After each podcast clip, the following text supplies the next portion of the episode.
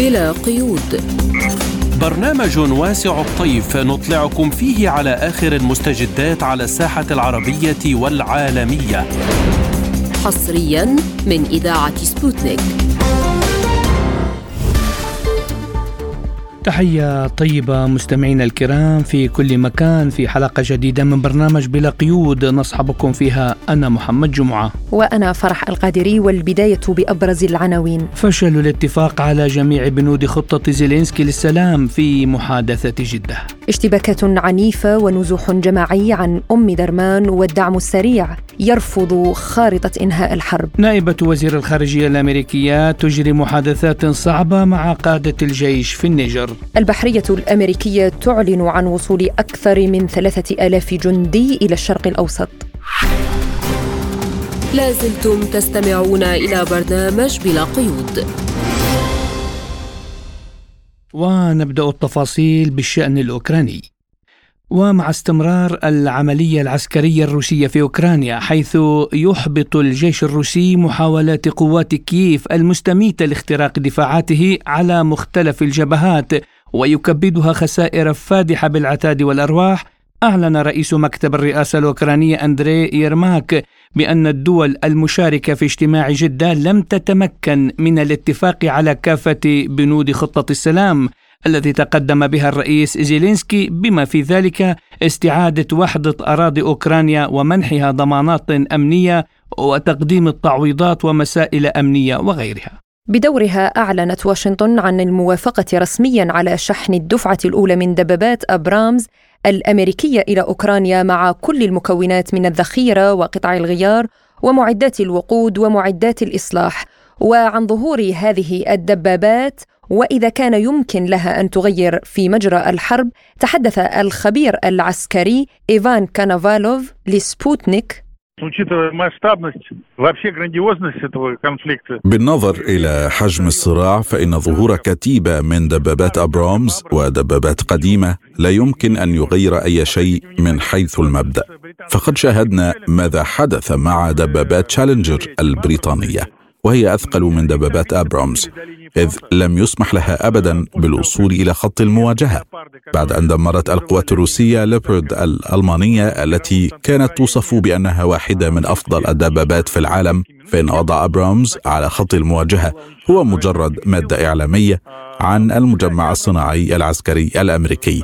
ستحتفظ القوات المسلحة الأوكرانية بدبابات أبرامز الأمريكية وكذلك تشالنجر البريطانية كمعدات للاحتياط وفي الوقت نفسه سوف تستخدم كييف ظهور هذه الآليات في أوكرانيا كإشارة أخرى على أن أمريكا تدعم نظام كييف النازي. وللحديث أكثر عن هذا الموضوع نستضيف معنا مدير مركز جي إس إم للدراسات الدكتور آصف ملحم. أهلا بك دكتور آصف. أهلا بكم أستاذ محمد تحياتي لكم وللساده المستمعين. وأبدأ معك من تهديد زيلينسكي بتدمير الأسطول الروسي في البحر الأسود بسبب طبعا رفض صفقة الحبوب، كيف سترد روسيا برأيك دكتور على مثل هذه التهديدات المباشرة؟ أستاذ محمد يبدو أننا بدأنا ندخل في طور يعني الحقيقة في منتهى الخطورة. قبل استهداف سفينة آه، في آه، سفينة إنزال جارنياك في آه، في ميناء نوفوراسيسك ناتاليا جومينيوك رئيسة المكتب رئيسة المركز الإعلامي لقيادة عمليات الجنوب قالت بأن لدى أوكرانيا درون مسيرة مائية اسمها ماغورا V5 وقادرة على يعني على السباحة لمسافة 800 كيلومتر تقريبا. آه، كنا نتحدث سابقا سابقا عن أن اوكرانيا لا تملك هذه التقنيات، ولكن أعلنت هي هذا الإعلان وقالت أن هذا الدرون قادر على طرد الأسطول الروسي من البحر الأسود حتى ميناء نوفوراسيسك. الدرون سمته هي ماغورا V5 تكلفة صناعته حوالي 273 ألف دولار وقادر على حمل كتلة متفجرة بحوالي 200 كيلوغرام، ولكنها أضافت وقتها بأن هذا الفعل سيؤدي إلى استفزاز القوات الروسية. في اليوم الثاني وبعد ساعات تقريبا حصل هذا الهجوم على سفينة الإنزال غارنياك في ميناء نوفوراسيسك لذلك هناك بعض بعض الإشارات لأن هذه الدرونات أيضا تصنع شبيهات لها فرنسا وتحديد وتحديدا شركة اسمها ECA Group وزودت القوات البلجيكية والهولندية بهذه الدرونات المائية منذ عام 2013 تقريبا لذلك هناك بعض المعلومات تؤكد على أن فرنسا هي من يعني هي من زودت أوكرانيا بهذه التقنية عبر تركيا حتى. لأن هناك تعاون يعني فني بين تركيا وبين وبين أوكرانيا في صناعة الدرونات. وبالتالي الموضوع هذا التصريح يعني أعتقد أن إذا تجرأ زيلينسكي على هذا الفعل فإن روسيا حقيقة سيكون ردها في منتهى العنف. يعني لن لن تسمح روسيا من تستخدم سفنها بهذه بهذه البساطة. ويعني وقد تقوم يعني بتهديم كل يعني كل المرافق الحيوية والمنشآت الحيوية في مقاطعة أوديسا على البحر على البحر الأسود، لذلك الموضوع هو أعتقد أكثر منه الاستهلاك الإعلامي الداخلي منه لل يعني للفعل الحقيقي لأن لأن اللجوء إلى هذه النقطة أو محاولة يعني استهداف المستمر للسفن آه، السفن الروسية في البحر الأسود يعني نتائجه ستكون وخيمة على الجميع. إلا في حال حالة واحدة إذا كانت تركيا متواطئة بشكل أو بآخر في هذه القصة يعني وهذا الموضوع وارد. يعني نحن نتحدث الآن يعني بتركيا الآن يعني غيرت سياستها قليلا آه، بعد إخراج عن عناصر آزوف وبعد الموافقة على انضمام السويد لحلف الناتو. لذلك الموضوع في الحقيقة معقد جدا. وبذلك أعتقد أن إذا زيلينسكي تجرأ على هذه الخطوة فإننا سندخل في طور في الحقيقة يعني في منتهى الخطورة ومنتهى التصعيد. نعم دكتور يعني قلت نحن مقبلون يعني على مرحلة خطيرة ورأينا كيف أن روسيا آه، ضبطت نفسها في العديد من المرات آه، من خلال الاستفزازات الغربية رئيس مكتب الرئاسة الأوكرانية اعترف وقال أن صيغة السلام الأوكرانية التي آه، جاءت يعني في محادثات جدة بالسعودية لم يتفق عليها ككل برأيك يعني هل هذا يعتبر بأن الدول الخليجية آه، تقع تحت سيطرة الضغط الغربي؟ آه، أستاذة فرح في أي مبادرة حول تحديدا حول مؤتمر السلام الذي انعقد في جدة؟ يجب أن ننظر إليه من عدة جوانب. يعني هذا المؤتمر يعني بسلبياته وإيجابياته النتيجة النهائية خرجت إلى حد ما ممكن القول إيجابية. يعني زيلينسكي في ذلك المؤتمر لم يصر على على ضرورة انسحاب القوات الروسية من الأراضي التي سيطرت عليها. لم يصر على هذه النقطة. واكتفوا يعني القول في ذلك آه،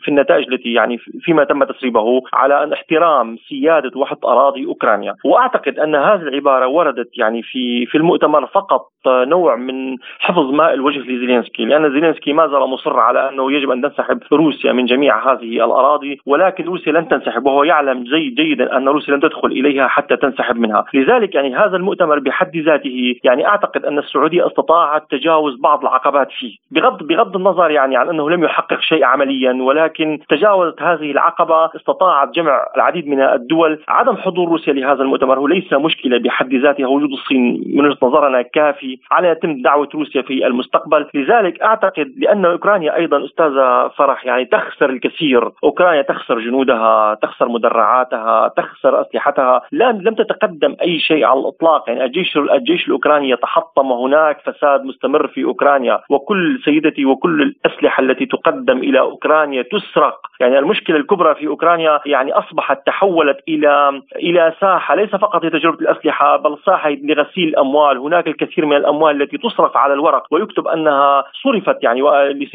لشراء السلاح ولكنها تسرق من جهات أوكرانية ومن جهات غربية. يعني حسبنا نحن أحد المبالغ يعني 36 مليار جريفن سرقت دفعة واحدة. هذا المبلغ يكفي لشراء 2 مليون درون كاميكازي. لو أن أوكرانيا هجمت على روسيا ب 2 مليون درون كاميكازي لدمرت روسيا بالكامل تقريبا. إذا المشكلة يعني أوكرانيا في وضع في الحقيقة صعب جدا ولا يمكنها إلا أن توافق على أي صيغة يخرجها من هذا من هذا المأزق التي وقعت فيه بغباء حكامها طبعا. وبالتالي أعتقد أن المؤتمر بكل سلبياته وبكل يعني إيجابي لو حسبنا يعني أخذنا هذه السلبيات والإيجابيات جميعا مع بعضها البعض أعتقد أنه جاء ايجابيا إلى حد ما لصالح روسيا يعني بشكل جيد.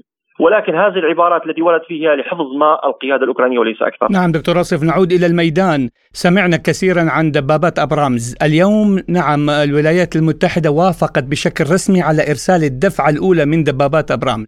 دكتور أنت كخبير برأيك أه، كيف سيكون تأثيرها في ساحات القتال؟ برأيك ما هي سيناريوهات القتال المقبلة يعني برأيك مع دبابات أبرامز؟ أه، أستاذ محمد لاحظ معي فيما يتعلق بدبابات أبرامز تحديدا، هذا هذه الأنواع الثلاثة من الدبابات ليوبارد وتشيلنجر وأبرامز تختلف عن الدبابات العادية فقط في شيء واحد وهو التدريع. هذه الدبابات الثلاثة مدرعة بمواد مركبة بوليميرية هذه المواد المركبة في تحديدا في دبابات شيلينجر تم صناعتها في منطقة تقع جنوب لندن اسمها تشوبهم كان هناك مركز الأبحاث وتعتبر صناعتها سرية. تكنولوجيا المواد المركبة حديثة في روسيا لم تكن لم يكن معتنى بها سابقا في روسيا. ولكن في في العقدين الأخيرين بدأت روسيا يعني تطور هذه التكنولوجيا. هذه نقطة. النقطة الثانية دبابات آبرامز تحديدا يوجد فيها محرك توربيني غازي. آه يعني الاتحاد السوفيتي حاول سابقا تزويد دباباته بمحركات توربينيه غازية ووضعها على ما أعتقد في الدبابة تي 82 ولكنها لم تعطي نتيجة جيدة. وبالتالي تخلى الاتحاد السوفيتي عن هذه الفكرة عن تزويد دبابات بمحركات توربينية غازية. وكل وبقي منها بالمناسبة هذه الدبابات اللي صنعها الاتحاد السوفيتي وقتها. بقي منها قسم في أوكرانيا، قسم في كازاخستان، قسم في بيلاروسيا في الجمهوريات السابقة، ولكن نسخت هذه الدبابات وكل الدبابات الحديثة التي صنعها فيما بعد هي مزودة بمحرك ديزل. المحرك التوربيني الغازي مقارنة مع جميع المحركات الاحتراق هو محرك يعني مردوده عالي جدا بالمقارنة مع وزنه ولكنه يستهلك كميات كبيرة من الهواء لأنه بحاجة لكميات كبيرة من الأكسجين. لذلك هذه الدبابة فشلت فشلا ذريعا في صحاري العراق و... وإذا جاءت صيف يعني ما زلنا في الصيف إذا جاءت إلى أوكرانيا ستفشل أيضا. ولكنها ليست أفضل بأي شيء من دبابات ليوبرد ولا تشيلنجر وبذلك تدميرها سيكون سهل جدا على القو على القوات الروسية. يعني دمرت كل شيء روسيا وهم يتفاخرون بهذه يعني بهذه الدبابات بدرعها. ولكن روسيا اخترعت تقنيه لتدمير الدبابة من الأعلى بحيث هذا الدرون يعني الطائر يستطيع أن يهبط من الأعلى. وأعلى الدبابة برج الدبابة هو أضعف نقطة فيها تقريبا. وبالتالي أعتقد الموضوع لن يغير. دائما عندما يزود أي سلاح يعني يجب أن ننظر إلى الكمية التي التي تزود بها الدولة، فإذا كانت الكميات يعني بالآلاف عندها طبعا بالتأكيد ستغير موازين القوى ولكنها الأعداد بالعشرات وفق ما أعلن ولذلك لن يغير على الإطلاق في ميدان هذه المعركة. يعني وأعتقد أن الولايات المتحدة الأمريكية ستجرب هذه الدبابات في الأرض الأوكرانية لتستفيد يعني من لكي تتمكن من تعديلها فنيا فيما بعد. وليس أكثر. ولذلك أما على في ساحة في الميدان فلن يتغير شيء على الإطلاق. أنا متأكد من ذلك. نعم يعني هم حاولوا استنزاف روسيا عسكريا وتجربة يعني المعدات العسكرية الخاصة بهم على الأرض الأوكرانية كما أشرت. المتحدثة باسم الخارجية الروسية ماريا زخارفا آه، قالت في بيان لها أن آه، الغرب وصف الموقف الروسي أو رفض روسيا الحوار بشأن أوكرانيا بأنها كذبة. برأيك لماذا تسعى دائما واشنطن لتشويه سمعة روسيا؟ آه، فوق أنها آه، يعني أدخلتها وأقحمتها في هذا الصراع الأوكراني. استاذه فرح المشكلة الولايات المتحدة الأمريكية يعني أسلوبها بالكذب أصبح معروف للجميع. آه، يعني المشكلة هذه الدولة تستثمر يعني في أرواح الناس، تستثمر في دماء الناس، يعني لن ينتهي هذا، لا يوجد عندها ما تقوله، لأن هي غير قادرة يعني لو لو نظرنا إلى هذا الصراع من يدفع ثمن هذا الصراع؟ يدفع ثمن هذا الصراع بشكل أساسي بالدرجة الأولى الأوكرانيون ومن ثم الروس ومن ثم الأوروبيون. وبالتالي الموضوع لا يمكنها أن تقول غير ذلك، روسيا من من بداية المعركة قالت نحن مع السلام، نحن مع الحوار، قام يعني من بداية واذا تذكرنا في عام 2014 أستاذة فرح يعني هذه الأقاليم آه، قامت باستفتاء أيضا للانفصال عن أوكرانيا والانضمام إلى روسيا ولكن روسيا وقتها رفضت وقالت يعني هل تبقى هذه الأقاليم ضمن السيادة الأوكرانية؟ لا يوجد عندنا طمع في الأراضي الأوكرانية وجاء وجاءت بعدها محادثات مينسك ونورماندي و واتفاقية مينسك التي كانت الأطراف الغربية هي يعني هي الضامن لهذه الاتفاقيات يعني آه، وبالنهاية ما الذي حصل؟ استثمرت الأطراف الغربية هذه الاتفاقيات لتقوية أوكرانيا ضد روسيا، إذا روسيا دائما وانسحبت روسيا بعد المعركة مباشرة، انسحبت من محيط كييف ليس ليس جبنا ولا خوفا ولا ضعفا بل انسحبت فقط لتهيئة الظروف للمحادثات بين الطرفين. ولكن تبين أن الأطراف الغربية استغلت هذا الأمر اعلاميا ضد روسيا وبدأت تهاجم عليها. تهجم عليها بانها انسحبت لأن جيشها بدأ يخسر مع أن مع أن الوضع مختلف تماما. الكذب الكذب استاذه فرح يعني هو صفة لصيقة بالولايات المتحدة الأمريكية. يكذبون في كل شيء. ولماذا لم يقتنع الأوكرانيون بهذا أقصد؟ يعني الحكومة الأوكرانية بأن أمريكا والدول يعني المساهمة في العداء تجاه روسيا زجت بهم في هذه في أرض المعرك في أرض المعركة. أستاذة فرح لاحظي معي.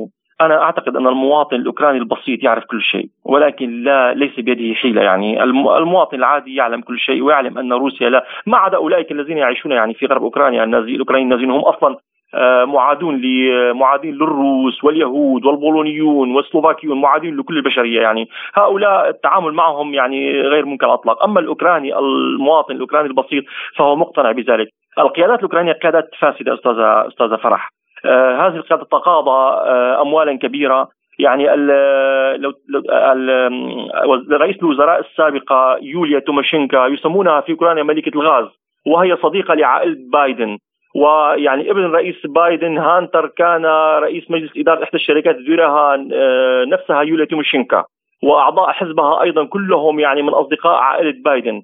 رجل الاعمال اليهودي السابق إيغور كلامويسكي هو صديق لزيلينسكي وهو الداعم الأكبر لحملته الانتخابية وهو يحمل الجنسية الإسرائيلية ويقضي حياته متنقلا بين كييف وتل أبيب وواشنطن. يعني هم مجموعة من الفاسدين. السلطة لا تقوم يعني السلطة ليست شيء نظري. السلطة لا تقوم إلا على مجموعة من الأشخاص. وللأسف الشديد ابتليت بهم أوكرانيا وهم مجموعة من الفاسدين الذين يتقاضون الأموال على حساب دماء الأوكرانيين. ولا يوجد يعني للأسف الشديد أيضا يعني هناك مشكلة عند روسيا أيضا يجب أن نشير إليها. هو ضعف الإعلام الروسي. على ما يبدو غير قادر لا يوجد قوة ناعمة عند روسيا تمارسها كما تفعل الولايات المتحدة الأمريكية غير قادرة على إيصال هذا الصوت ولكن أعتقد أن هم منعوا القنوات الإعلامية الروسية من البث في بلدانهم وفي معظم الدول آه، الأوروبية وحتى في أمريكا. يعني آه، هذا هو الوضع. هم أرادوا التضليل الإعلامي والتعتيم على ما يحدث في روسيا فعليا وفي الأراضي الأوكرانية من الجانب الروسي. سيدتي ليس هذا فحسب حتى بعض القنوات التليجرام البسيطة التي تحاول إلى حد ما بث الحقيقة. يعني وقنوات اليوتيوب يعني التي يديرها بعض الأشخاص منعت في أوكرانيا. كما قلت هي قيادة فاسدة. يعني لا نستطيع أستاذة أستاذة فرح يعني عندما يعني يجب أن نكون واقعيين لا يمكن لشخص كان يعمل ممثلا أن يدير دولة. يعني هذا شيء يعني لو لو لو, لو جلسنا يعني ندرس تاريخ دول العالم وتاريخ وتاريخ الصراعات ساعات فإن الإنسان يحتاج إلى سنوات وسنوات حتى يقوم بذلك، يعني والانتخابات عندهم هي عملية إعلامية أكثر من كونها يعني أكثر من كونها عملية ديمقراطية كما يدعون، ونعلم جيدا أن كلها مجرد مسرحيات يعني حتى في الولايات المتحدة الأمريكية أستاذة فرح هي عبارة عن مجرد مسرحية لا يوجد شيء في علم الاجتماع اسمه الخيار الاجتماعي الحر. عندما أنا أقرر أن أدخن فهذا خياري الشخصي ولكن عندما أبدأ بالتدخين فهذا سيؤثر علي ويؤثر على الوسط المحيط. وبالتالي الإعلام عندهم هو يسيطر على كل شيء وهذا يسيطر على كل شيء في الولايات المتحدة الأمريكية نفسها وهذا الإعلام مملوك من جهات محددة. فعندما يتبجحون بهذه الحرية فهي كذبة كبيرة يسوقونها على الدول الضعيفة والفقيرة يعني في إفريقيا وآسيا ومنطقة الشرق الأوسط. الشديد. نعم نشكرك مدير مركز جي اس ام للدراسات الاستراتيجية الدكتور آصف ملحم على هذه المداخلة القيمة. شكرا لك. ولكم الشكر أستاذة فرح لازلتم تستمعون إلى برنامج بلا قيود. وإلى السودان حيث تجددت الاشتباكات بمختلف أنواع الأسلحة الثقيلة والمتوسطة في أحياء أم درمان القديمة. فيما يحتدم القتال بين الجيش والدعم السريع منذ صباح اليوم في حي أبروف ووسط المدينة. من جانبها أعلنت قوة الدعم السريع رفضها مبادرة إنهاء الحرب التي كشف عنها نائب رئيس مجلس السيادة السوداني مالك عقار ونفى عضو المكتب الاستشاري لقائد قوات الدعم السريع أحمد عابدين وجود حكومة في السودان مؤكدا على أنهم لا يعترفون بشرعية المنصب السياسي الذي يتقلده مالك عقار وذكر أن مبادرة إنهاء الحرب متناقضة لدعوتها الالتفاف حول الجيش. للحديث أكثر عن هذا الموضوع ينضم إلينا من الخرطوم المحلل السياسي والخبير بالشأن السوداني الدكتور خالد الفكي. أهلا بك دكتور خالد وأبدأ معك من رفض قوات الدعم السريع السودانية خارطة الطريق التي طرحها نائب رئيس مجلس السيادة مالك عقار. لحل النزاع ما الذي يميز خارطة الطريق هذه دكتور؟ أعتقد أن الطريق هذه تعتمد على قضية رئيسية وهي خروج الدعم السريع من منازل المواطنين ومن المؤسسات المدنية كالمستشفيات والوزارات والمؤسسات الخدمية بشكل رئيسي آه، كشرط أولي ثم يندرج التفاوض فيما يتعلق بهذه القوات وإدماجها فيما تبقى من مع الجيش السوداني. كما هو معروف أن هذه الحرب كانت خسارة كبيرة للدعم السريع الذي يعني خسر وفق شهود عيان وفق خبراء يعني نحو سبعة أو إلى 70% إلى 80% من قواه الرئيسية القوى القتالية أو القوى الاقتصادية. فبالتالي أعتقد أن الآن أي تفاوض آه، أو أي آه، جلسات الحوار هي ستكون آه، فيما يتعلق ليس بالعملية السياسية ولكن وضعية الدعم السريع ومستقبله لاحقا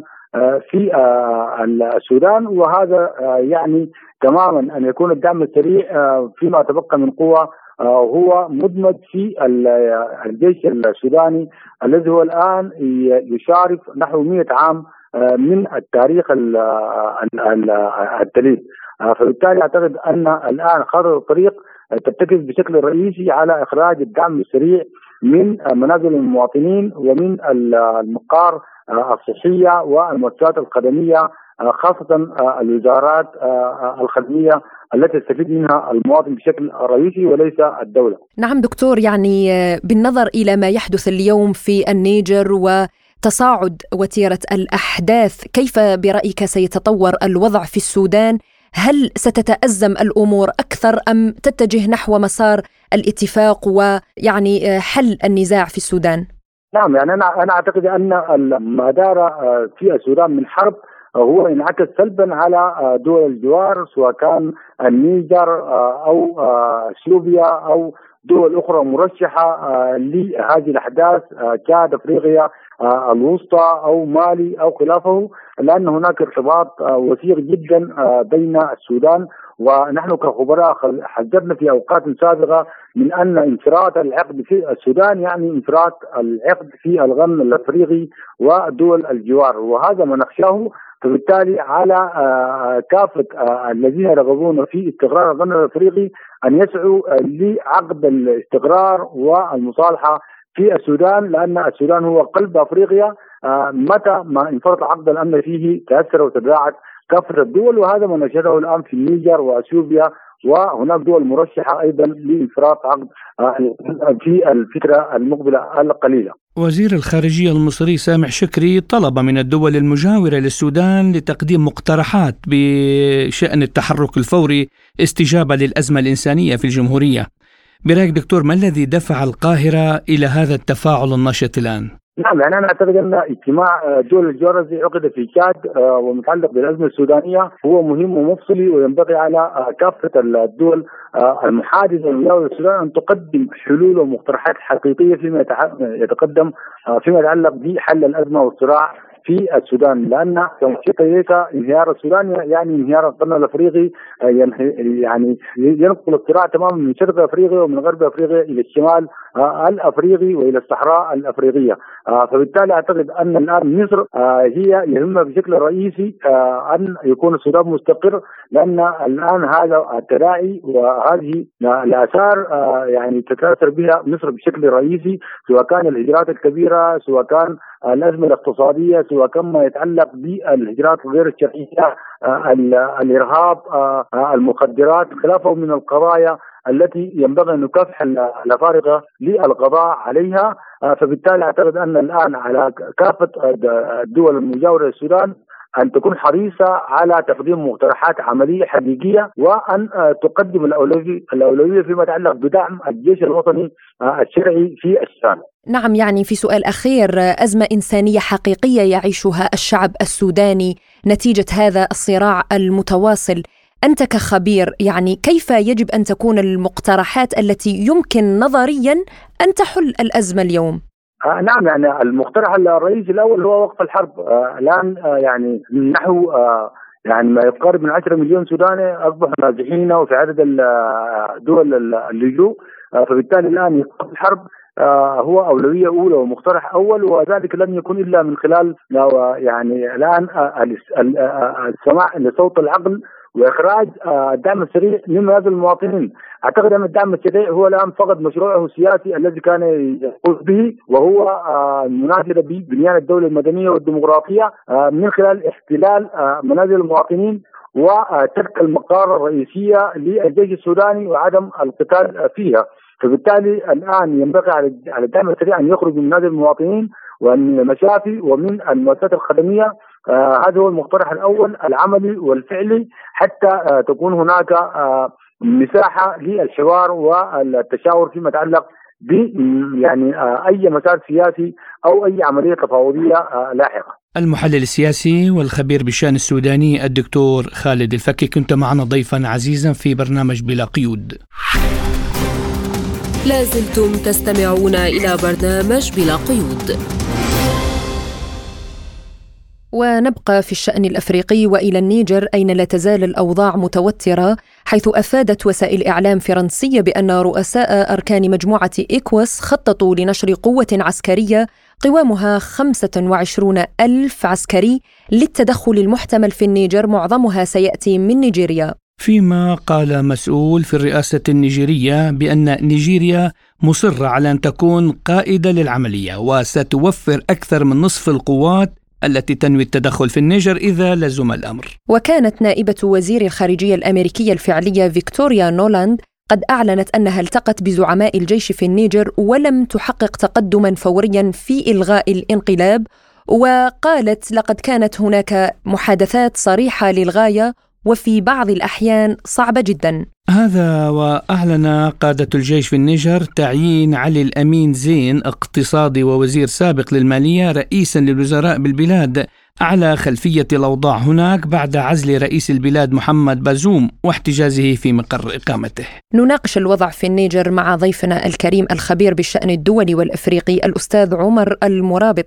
أهلا بك في برنامجنا بلا قيود أستاذ عمر. أهلا وسهلا أستاذ فرح. نعم نبدأ من قراءتك لما يحدث اليوم في النيجر وهل تجد دول غرب إفريقيا هذه حجة اليوم للتدخل العسكري في النيجر؟ اولا لابد من وضع ما وقع في النيجر في سياق المنطقة ومنطقة الساحل والانقلابات التي تقع هناك، انقلاب النيجر جاء بعد انقلاب مالي وانقلاب بوركينا فاسو ورأينا كيف أن العسكر الذين يحكمون هذين البلدين كيف تضامنوا مع عسكر النيجر. هذا اولا ثانيا يمكن أن نقول بأن هناك تعاطف شعبي لاحظناه مع الانقلابيين خاصة عندما يرفعون شعارات ضد فرنسا وضد القوى الاستعمارية السابقة التي كانت تحكم منطقة غرب إفريقيا. وذلك لشيء واحد هو أن أنهم لا يرون من فرنسا الاعانات الاقتصادية ولا المعونات والتعاون الدولي الذين كانوا يرغبون فيه ويرون فقط ويلاحظون ان فرنسا ربما أتت فقط لتنهب خيرات هذه الدول وبالتالي نرى ما وقع. هذا العام. لكن عندما نرى صلة هذه المنظمة التي أسست سنة 75 هي منظمة في الأصل منظمة اقتصادية وللتعاون الاقتصادي وليس لها أي مهمة عسكرية. وبالتالي ليست لها أي قيادة عسكرية موحدة أو تدريبات قامت بها من قبل وهي تضم 15 دولة منها ثلاث دول الآن وقع فيها انقلاب والتي ذكرنا. ويمكن أن نقول إذا كانت عسكري فقد قد يكون هناك ليس هناك أي ضمان حتى يكون ناجح. ثم نعرف بأن أكبر دولة في سيلاو هي آه، نيجيريا ومجلس الشيوخ النيجيري لم يعطي الضوء الأخضر لحد الآن للرئيس بهكذا أو هذا وبالتالي نقول بأن الاجتماع الذي سيكون يوم يوم الخميس سيكون حاسما آه، والتدخل العسكري ربما كان تهديدا أكثر منه على أرض الواقع.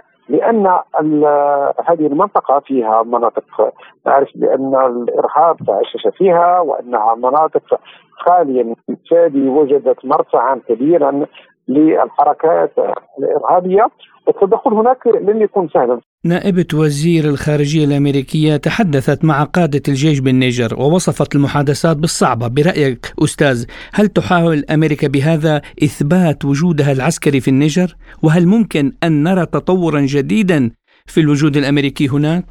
وأعتقد أنه آه، انتهاء الحرب الباردة بين الشرق والغرب جعل بعض الدول الإفريقية تجد نفسها في محل اليتامى لأنها قبل ذلك كانت إما تجد معاونة غربية أو معاونة من من الشرق وجدت نفسها تحت النفوذ الغربي لكن دون مقابل وبالتالي هذا ما دفع بعض قياداتها وخاصة داخل الجهازات الأمنية إلى رفض التدخل الغربي وخاصة فرنسا في اتجاه التدخل آه، الشرقي أو تدخل روسيا. نعم. الثانية هو يمكن أن نقول يمكن أن نقول ان هناك نقطة التقاء آه، في السياسات الروسية والسياسات بعض بعض القيادات الافريقيه نعم. التي قامت بالانتخابات ذلك لأنها لأن روسيا لا تمن عليهم ولا تقول لهم ارجعوا إلى الديمقراطية كما يقول لهم الغرب. فهي تتعامل مع كل الحكومات بغض النظر عن ديمقراطياتها أو ديكتاتورياتها. ثم آه، آه، يمكن أن نقول بأن تدخل قوات فاغنر في, في هذه المنطقة كان له تأثير وهذا التأثير آه، دفع بعض إلى وشجع بعض العسكر داخل هذه الدول إلى القيام بالانقلابات وهذا ما رأيناه الآن في في النيجر.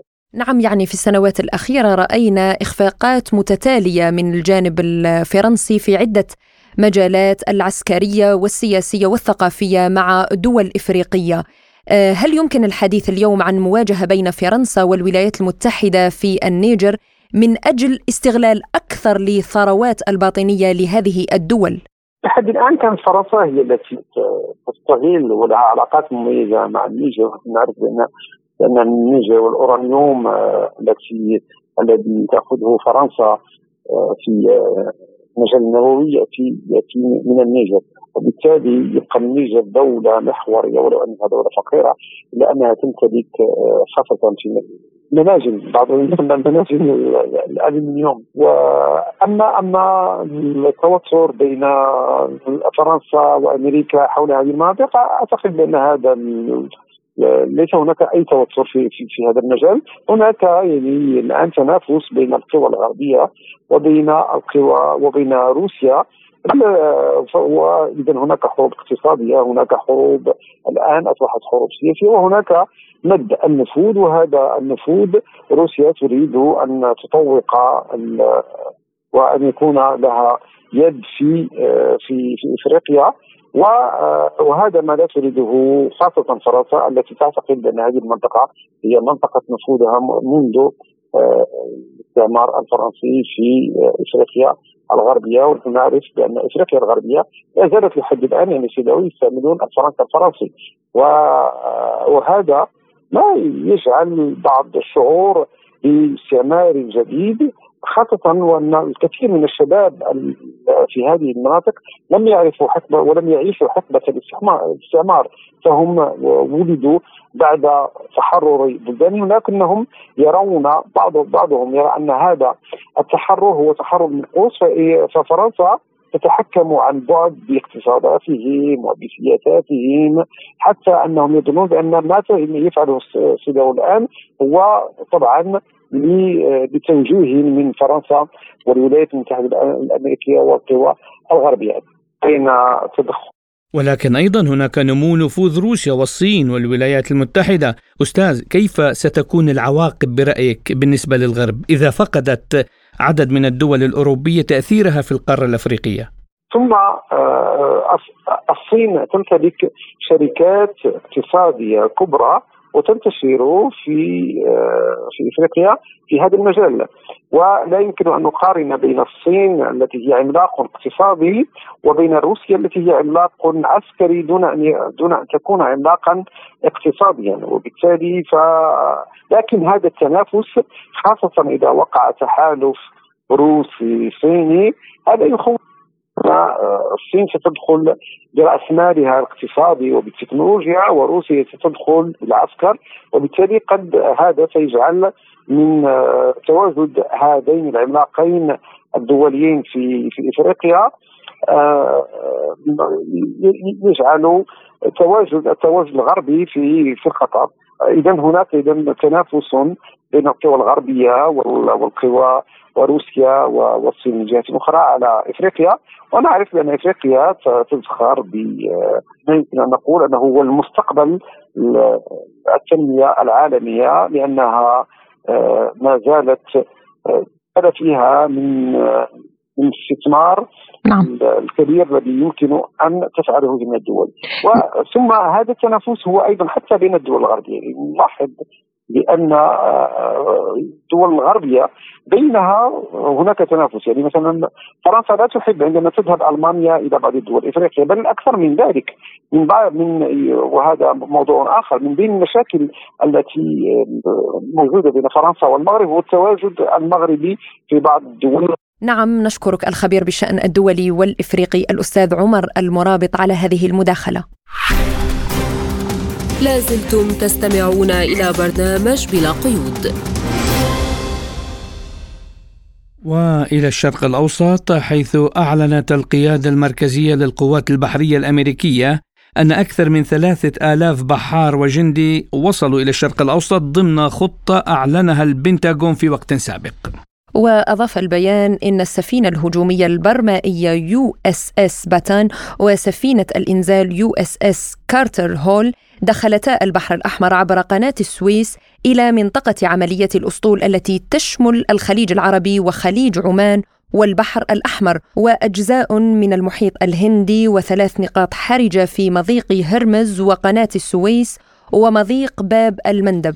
بدوره قال المتحدث باسم الأسطول الخامس الأمريكي إن وصول مئات الجنود الأمريكيين للشرق الأوسط هو مقدمة لتواجد دائم لتمكين الاستجابة السريعة في حالة حدوث مشكلة ولإعطاء المزيد من الخيارات والمرونة لمتخذي القرار في واشنطن والقادة في الميدان. للحديث أكثر عن هذا الموضوع ينضم إلينا من سوريا الخبير العسكري الاستراتيجي العميد تركي الحسن.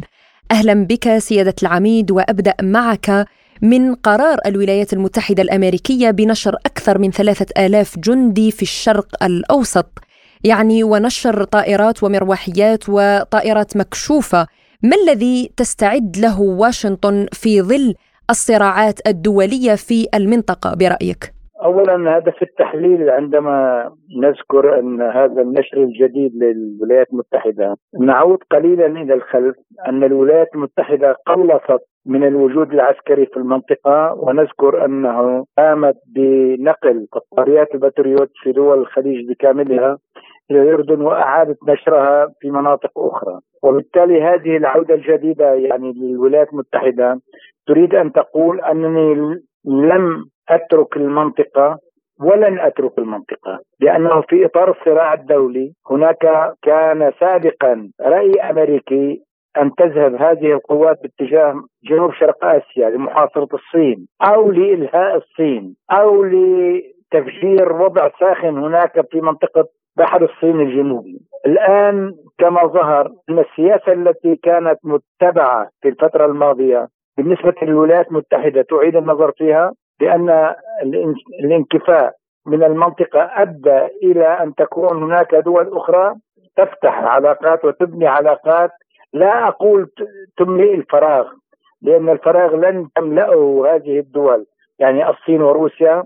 ولكن ستملأه شعوب المنطقة. لكن على قاعدة أن هناك علاقة مضطردة مع الصين وعلاقة مضطردة مع روسيا. وبالتالي على أساس أن هاتان الدولتان تقومان على قاعدة رابح رابح اي أي تبني تبني علاقاتها مع دول المنطقة بعيدا عن ما كانت تقوم به الولايات المتحدة من هيمنة وإملاء ونهب للثروات وللنفط وغير ذلك. أعتقد أن هذا الدفع بمدمرة وحامل يعني 3000 بحار إضافة إلى طائرات من نوع إف 35 أو غير ذلك هذا لا يؤثر على ميزان القوى بهذه الدرجة يعني نحن نعلم أن الولايات المتحدة في أي عمل تقوم به يكون جزء منها الحرب النفسية والاستعراض وبالتالي إذا جاءت الولايات المتحدة بثلاثة آلاف جندي أو بحار يعني في إلى المنطقة هل ستتغير المنطقة كليا بحيث أن سترتعد فرائس دول المنطقة؟ لا أعتقد ذلك. سيادة العميد برأيك هل هذه الخطوة مرتبطة بالتوترات الأخيرة بين القوات الأمريكية والروسية في سوريا؟ في تقديري لا يمكن أن نعزل المنطقة عن بعضها البعض. وبالتالي عند التحرك نعم هناك ارتباط بين كل المواقع والنقاط. وبالتالي ما هو موجود في الخليج في لحظة معينة لأنه كان أحيانا يتم القصف في سوريا والعراق من قطر السعودية ومن الكويت ومن البحرين. إذا هي ليست بعيدة. نعم هي هذا الأمر في إطار الصراع الذي نتمنى ألا ينفجر. نتمنى ألا ينفجر. وبالتالي آه، معلوم أن للجميع المعلوم للجميع أنه في الأشهر الماضية جرى هناك تحذير لعدة مرات.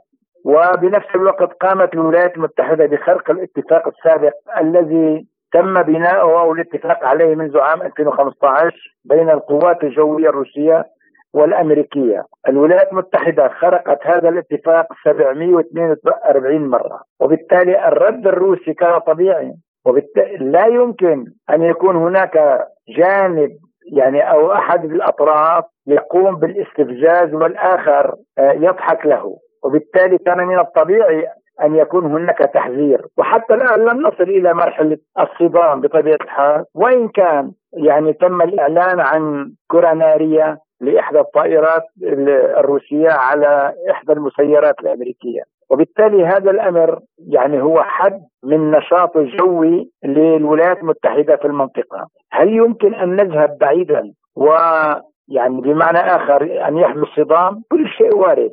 يعني كل شيء وارد. أي خطأ أي خطأ يمكن أن يحدث يمكن أن ينقلنا إلى صدام بالحد الأدنى هذا الصدام يحتاج فيما بعد إلى رأب صدع وهذا الصدع ليس من السهل تجاوزه. كما تعلم التواجد البحري الأمريكي على سواحل إيران هو استفزاز مباشر لإيران، إذا برأيك ما هي عواقب مثل هذه الخطوات على المنطقة؟ عندما تكون القوات الأمريكية البحرية الأمريكية في المياه الدولية لا يستطيع أحد أن يقول لما جاءت الولايات المتحدة يجب أن تسحب اساطيلها من المنطقة. ولكن أنا أقول أن إيران دولة مقتدرة وتحسب لكل شيء حسابا. أنت تعلم والجميع يعلمون أن الإمام الخامنئي استقبل الأسطول الذي جال ثلاث محيطات لمدة ثمانية أشهر. أي أن البحرية الإيرانية ليست عبارة هدفا سهلا. يمكن أن تصطاده أو يمكن أن تدمره الولايات المتحدة. هذا واحد. ثانيا آه، المعلوم للجميع أن لدى, لدى إيران قدرات عسكرية كبيرة في مجال البحر وفي مجال الصواريخ أيضا ارض أرض. وبالتالي والطيران المسير. وبالتالي أنا أعتقد أن الولايات المتحدة لن يعني تنزلق لن تنزلق إلى استهداف إيران مباشرة. وهذا الاستهداف لو كانت الولايات المتحدة جادة بشكل حقيقي آه لأن تضرب إيران. كانت الضربة يجب أن تتم في عهد ترامب آنذاك وكانت يتم الحديث علنا ويكفي أن نشير أنه عند استشهاد أبو مهدي المهندس وقاسم سليماني أن إيران ضربت قاعدة عين الأسد ب 13 صاروخ مباشر علنا وكانت قد حذرت أنني سأضرب. وبالتالي آه، إيران آه، يعني تأخذ بعين الاعتبار إمكانية أن ينفجر الصراع، وإذا انفجر الصراع لديها القدرة على أن تؤلم الولايات المتحدة، صحيح الولايات المتحدة أقوى من إيران عسكريا وأقوى اقتصاديا، ولكن لدى إيران قدرات عسكرية قادرة قادرة على استهداف القوات الأمريكية في كل المنطقة. يعني الولايات المتحدة لديها 58 موقع في المنطقة.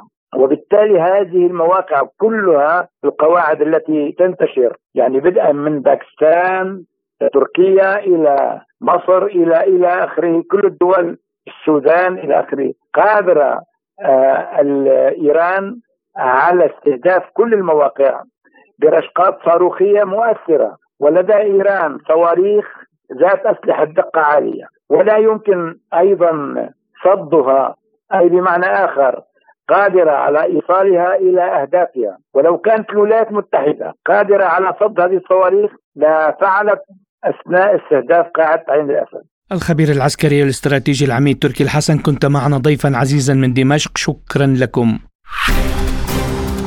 لازلتم تستمعون إلى برنامج بلا قيود. وفي الشأن الاقتصادي والتعاون بين روسيا الاتحادية ودولة قطر أكد السفير الروسي في الدوحة دمتري دوغادكين أن عدد السياح من روسيا إلى قطر يتزايد باضطراد بسبب إمكانية دخول الروس دون تأشيرة لمدة 90 يوما. وأوضح دوغاتكين في تصريحات لسبوتنيك إننا نشهد زيادة مضطردة في تدفق السياح من روسيا. بالطبع قضاء الإجازة في قطر بعيد. عن أن يكون منخفض التكلفة ولكن مصلحة مواطنينا في هذا البلد الصغير تؤتي ثمارها وهذا ملحوظ بشكل خاص بين أولئك الذين يستخدمون الدوحة كنقطة عبور. وحتى نناقش هذا الموضوع أكثر نستضيف معنا الخبير الاقتصادي الدكتور مازن مرجي أهلا وسهلا بك دكتور وشكرا لتواجدك اليوم معنا في برنامج بلا قيود. يعني كما ترى هناك تعاون وتقارب من الجانب الروسي في منطقة الشرق الأوسط لا سيما الدول الخليجية. وهناك يعني مشاريع مشتركة تزيد قيمتها عن 160 مليار روبل آه، بين الجانب الروسي والقطري. برأيك هل آه، يمكننا اليوم الحديث عن أن الدولار الأمريكي سيفقد مكانته كعملة رائدة في العالم. عملية الربط ما بين آه، فقدان الدولار لقيمته أو لأهميته مبكر يعني من خلال علاقة مع دولة مثل قطر. ولا نستطيع أن نقول أن هناك يعني دلالة واضحة. هذا هذا أول شيء روسيا دولة كبرى ودولة اقتصادية دولة متمكنة حد كبير غنيه لم تعد كما كان الاتحاد السوفيتي سابقا وانما دوله أصبحت عندها امكانات اقتصادية واضحة وبالتالي يظهر ذلك في مجال النفط ومجال الغاز والحبوب والاغذيه وإضافة إلى الصناعات الحربية وإلى امور كثيرة. اذا إذا أنا بدي اقيم علاقة روسيا مع أي بلد عالم أو مع دول العالم بشكل عام نجد أن روسيا أصبحت دولة قاب قوسين أو أكثر من أن تعود لتكون ندا الدولة الأولى في العالم من حيث الاقتصاد والتحكم اللي هي الولايات المتحده إذا أي تحرك روسي هو أول شيء ضمن الإطار الطبيعي تسعى الدول إلى تحسين علاقاتها مع مختلف الدول الصغيرة والكبيرة وخاصة الدول التي قد يكون لها مجال للتبادل التجاري التبادل الاقتصادي والاستثمار فبالتالي قطر هي رغم أنها دولة صغيرة إلا أن إمكانياتها المادية واستثماراتها موجودة في العالم وبالتالي هناك سوق سوق جيدة في قطر للاستثمارات وللتجارة والى آخره. إذا أنا بشوف هذا التعاون ما بين قطر وبين بين روسيا دولة روسيا الاتحاد الروسي هي علاقات طبيعية فيها طموح من الطرفين. يعني كما روسيا تسعى إلى تعظيم دورها في العالم وتعظيم تجارتها الخارجية وحماية اقتصادها من تهول الدول الغربية وبالتالي خاصة الآن مع الحرب في أوكرانيا روسيا تسعى للوصول لكل نقطة في العالم يمكنها أن أو يمكنها ذلك من أن تزداد يعني قوة اقتصادية وأن تخرق أو خلينا نقول أن لا تكون آه، تحت رحمة العقوبات الأمريكية وقطر معروف إنه هي تقليديا من حلفاء الولايات المتحده يعني في مجالات كثيرة، إذا خلينا نحط الموضوع ضمن إطار اقتصادي ضمن إطار طبيعي نعم. هل برأيك تحزو الدول العربية حزو قطر في الاستثمار والتعامل التجاري مع روسيا؟ بالنسبة للدول العربية لازم نقسمها إلى قسمين، القسم الأول هو دول نفطية والقسم الآخر هي الدول الغير نفطية، بمعنى يعني التعاون الاقتصادي بين الدول بشكل عام هو يعني كما قلت سابقا هو حاجة أساسية لكل الدول تسعى من خلالها إلى تعظيم صادراتها إلى تعظيم استثماراتها وبالتالي تعظيم العائد من هذه العلاقات على هذه الدولة دولة أو تلك بالنسبة قطر وباقي الدول العربية عندك الدول الخليجية في تعاون كبير صار. اليوم روسيا لم تعد كما كان الاتحاد السوفيتي سابقا ممنوع من التعاون بمجالات كثيرة. اليوم أصبح أصبح الاتحاد الروسي هو حليف وخاصة في مجال النفط. النفط هو السلعة الأكثر أهمية والتي يرتكز عليها الاقتصاد العالمي لمعظم الدول. فإذا التعاون مع دول الخليج موجود والكل يسعى إلى آه، اليوم روسيا آه، يعني هناك آه، حالة من التقدم وحالة من التوسع وحالة من العالمية والنهج الذي تتبعه روسيا من أجل تحقيق مصالحها من جهة ومن أجل خدمة أغراضها السياسية والاقتصادية وربما لاحقا العسكرية مع معظم الدول اذا دول الخليج العربي آه، اللي بلاحظه إنه موجود في تعاون وهناك سعي لكن مش محصور في روسيا وإنما هو اللي بنقيسه على ما كانت عليه علاقات سابقا على زمن الاتحاد السوفيتي ولما كانت روسيا بعدها. لم تجد الطريق الواضح نحو العوده لكي تصبح قطبا اقتصاديا وسياسيا عالميا، اليوم اختار روسيا أصبحت محط انظار لدول العالم كلها، لكن الآن قديش أو كم تستطيع هذه الدولة أو تلك أن تقترب أو تبتعد من روسيا هذا محدود بمدى حريتها أو استقلاليتها عن نرجع للدولار الامريكي والاقتصاد الأمريكي أو السياسة الأمريكية. فالان في تململ ولكن ليس هناك آه، حال من الابتعاد المقصود عن الولايات المتحده. نعم نعم دكتور آه نعم يعني هناك تململ من الاستغلال الغربي ل آه للشعوب دون أن تكون بينهم يعني منفعة متبادلة. نشكرك الدكتور مازن مرجي الخبير الاقتصادي على هذه المداخلة، شكرا لك. شكرا لكم لازلتم تستمعون إلى برنامج بلا قيود ونختتم الحلقة بملف اليمن والعقبات التي تقف حائلا بين عودة الحكومة اليمنية إلى عدن رغم توجيهات المجلس الرئاسي. أصدر رئيس مجلس القيادة الرئاسي في اليمن رشاد العليمي توجيهات إلى جميع مسؤولي الدولة بالعودة لممارسة مهامهم في العاصمة المؤقتة عدن ومقر أعمالهم في مختلف المحافظات الأخرى. وكان المجلس قد حدد موعد العودة يوم الأحد السادس من أغسطس آب الجاري لكن الحكومة والمسؤولين لم يعودوا إلى عدن بصورة محسوسة وظلت الأوضاع كما هي. فلماذا لم يتم تنفيذ التعميم الرئاسي؟ وهل هناك مخاوف حقيقية من العودة؟ وما دور الانتقالي الجنوبي في هذا الملف؟ وأيضا لماذا تم اتخاذ القرار في هذا التوقيت؟ كل هذه الأسئلة سنناقشها ونجيب عنها مع ضيفنا الكريم المحلل السياسي الخبير بالعلاقات الاستراتيجية الدولية الدكتور محمد صادق إسماعيل. أهلا وسهلا بك وشكرا لتواجدك اليوم معنا في برنامج بلا قيود. أهلا وسهلا بحضرتك والسادة المستمعين، أهلا وسهلا. نعم يعني دكتور محمد الأزمة اليمنية مستمرة منذ سنوات وهناك عوائق كثيرة في وجه عودة الأوضاع إلى ما كانت عليه. خاصة هذه التوجيهات الرئاسية التي قوبلت بالتمنع والرفض ما هي قراءتك لموقف المسؤولين اليمنيين بالعودة إلى مناصبهم في العاصمة المؤقتة عدن؟ بعد التحية طبعا لو تحدثنا عن مسألة الموانع أو العقبات التي تقف حائل دون عودة الموظفين إلى أماكن عملهم أو مقر عملهم في عدن نجد أنها تنقسم إلى عدة أجزاء أو عدة أسباب لو بدأنا بالسبب الاقتصادي نجد أن هناك أسباب اقتصادية يمكن هي حائل كبير جدا في سبيل عودة الحكومة إلى اليمن إلى عدن أعتقد أن أولها طبعا هو مسألة تدبير الاحتياجات المالية أو الاعتمادات المالية المطلوبة لأن طبعا هناك اعتمادات مالية مطلوبة كبيرة جدا رغم إن الوضع الاقتصادي اليمني هو وضع سيء. وبالتالي هذا من جانب. من جانب آخر ما يتعلق بالوضع الأمني وأعتقد إن هو أول العقبات وليس ثاني العقبات. الوضع الأمني الأمني طبعا في اليمن هو وضع صعب ونعلمه جيدا. ونعلم إن هناك عدم استقرار أمني حتى لو بدت الصورة باعتبار إن هناك نوع من الاستقرار الأمني. لكن طبعا هؤلاء اللي أو الحكومة تعلم جيدا إن هناك عدم استقرار أمني نتيجة طبعا وجود العديد من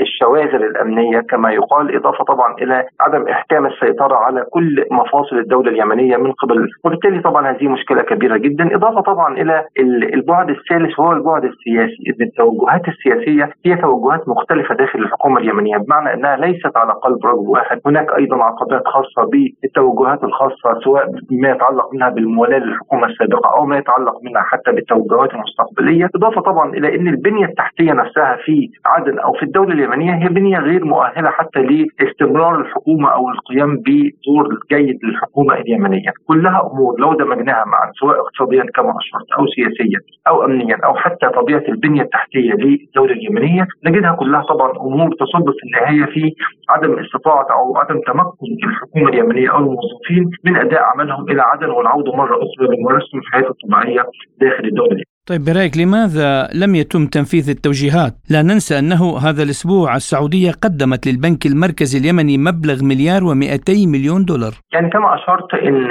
إن أحد العقبات التي كانت موجودة هي العقبة الاقتصادية في سبيل طبعا توفير الاعتمادات المالية المخصصة سواء الاعتمادات الخاصة بالهياكل الإدارية أو الاعتمادات الموجهة نحو تحقيق بعض السياسات وإنجاز بعض الأعمال سواء على المستوى الاقتصادي أو على المستوى الإداري وبالتالي كان يتطلب الأمر وجود ضغط مالي قوي قوي وطبعا السعودية عندما دشنت المليار وكسور التي اعتمدهم البنك المركزي اليمني كان هذا توجه جيد من قبل لكن أيضا تبقى المشكلة أيضا في الأبعاد الأخرى. بمعنى ان اشرت لحضرتك أربع ابعاد يمكن المملكة العربية السعودية من خلال هذا المبلغ الذي اودعته في البنك المركزي اليمني يمكن قضت على آه، ربع المشكلة كما يقال. لكن تبقى المشكلات الأخرى. تبقى مسألة الاستقرار الأمني والوضعية الأمنية. تبقى مسألة الخلافات السياسية ما زالت موجودة داخل الدولة اليمنية. تبقى أيضا مسائل خاصه بالبنيه التحتية وحاجة اليمن إلى إعادة بناء الدولة. يعني حتى بعض التقديرات تشير إلى إن 90% من البنية التحتية للدوله اليمنية انهارت تماما. وبالتالي اليمن تحتاج إلى إعادة بناء.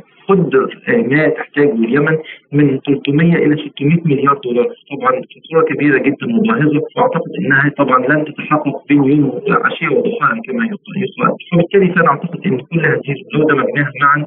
نجد إن المشكلة الاقتصادية ربما آه، تم حل جزء منها لكن تبقى المشكلات الأخرى عالقه في الدولة اليمنية. منها ما يتعلق بالأزمة الأمنية وهي أزمة كبيرة جدا. منها ما يتعلق بالمشروعات المستقبلية منها ما يتعلق أيضا بمسألة القتال العسكري الذي يعني شئنا وابينا ما زال موجود داخل الدولة اليمنية. كل الأمور ربما هي التي أدت في النهاية إلى عقبات في سبيل طبعا عودة الحكومة إلى عدم ورغم طبعا توجهات المجلس الرئاسي. طيب ما هي المخاوف الحقيقية لعودة تأزم الأوضاع أكثر في اليمن؟ بالتأكيد هناك العديد من المخاوف من آه، عودة القتال في اليمن أو عودة حتى القتال الداخلي في اليمن. لا ننسى أن في صيف 94 حدث نفس الشيء. كان هناك انتخابات وكان هناك مشروع مستقبلي لتدشين حتى آه، مستقبل سياسي جيد للدولة اليمنية. نجد تحول إلى ما يشبه العاصفة السياسية والتناطح السياسي ما بين الأشقاء في الدولة اليمنية. نفس الشيء حدث أيضا في آه، آه، يمكن بعد عام 2011 عندما تم تدشين ما يعرف بالأزمة الفلسطينيه ما إلى ذلك. كما أعتقد طبعا إن الأزمة ما زالت موجودة والفتنة ما زالت موجودة داخل الدولة اليمنية. ونعتقد إن جزء من المشكلة هو غياب مشروع مستقبلي شامل للدولة اليمنية، بمعنى إن الأطراف المتصارعه سواء حتى الحكومة أو الأطراف الأخرى لم تطرح رؤيه مستقبليه لوضع اليمن أو مستقبل الدولة اليمنية سواء سياسيا سواء اقتصاديا سواء أيضا اجتماعيا. هذه الدولة كما اشرت في اليمن السعيد في يوم الأيام لكن مؤشرات التنمية البشرية عام 2022 أشارت إن اليمن يمكن أكثر الدول معاناة على وضع ثالثا أعتقد إن كل هذه الأمور تشير إلى ضرورة عودة اليمن على التنافس من خلال دعم عربي وأعتقد إن الدعم العربي موجود داخل الدولة اليمنية لكن تحتاج أيضا اليمن إلى إلى دعم داخلي من أبناء اليمن انفسهم من الأشقاء في اليمن. تحتاج إلى القفز على مسألة الاختلافات الطائفية أو الاختلافات الشكلية سواء فيما يتعلق بالرغبه في الوصول إلى السلطة وما إلى ذلك لأنها كلها أمور. لو نظرنا إليها نجد أنها تمثل عوائق في سبيل عودة اليمن ككل عودة الدولة اليمنية إلى الحياة مرة أخرى. واعتقد أن دول مجلس التعاون الخليجي هي التي تدفع قدما إلى الأمام الدولة اليمنية للعودة لكن كما اشرت تبقى المشكلة في اليمن نفسه فيما يتعلق بأبناء اليمن وفيما يتعلق أيضا بشكل الدولة اليمنية المستقبلي. وكلها أمور طبعا المستقبل هو الذي سيكتمل ما يتعلق منها بمستقبل الدولة أو ما يتعلق منها باستمرار الصراع الأمني والسياسي داخل اليمن. المحلل السياسي والخبير بالعلاقات الاستراتيجية الدولية الدكتور محمد صادق إسماعيل شكرا لكم. كنت معنا ضيفا عزيزا في برنامج بلا قيود. وبهذا نصل وإياكم مستمعينا الكرام إلى ختام حلقة اليوم من برنامج بلا قيود. قدمناها لكم من استديوهاتنا في موسكو. أنا فرح القادري. وأنا محمد جمعة. إلى اللقاء. إلى اللقاء.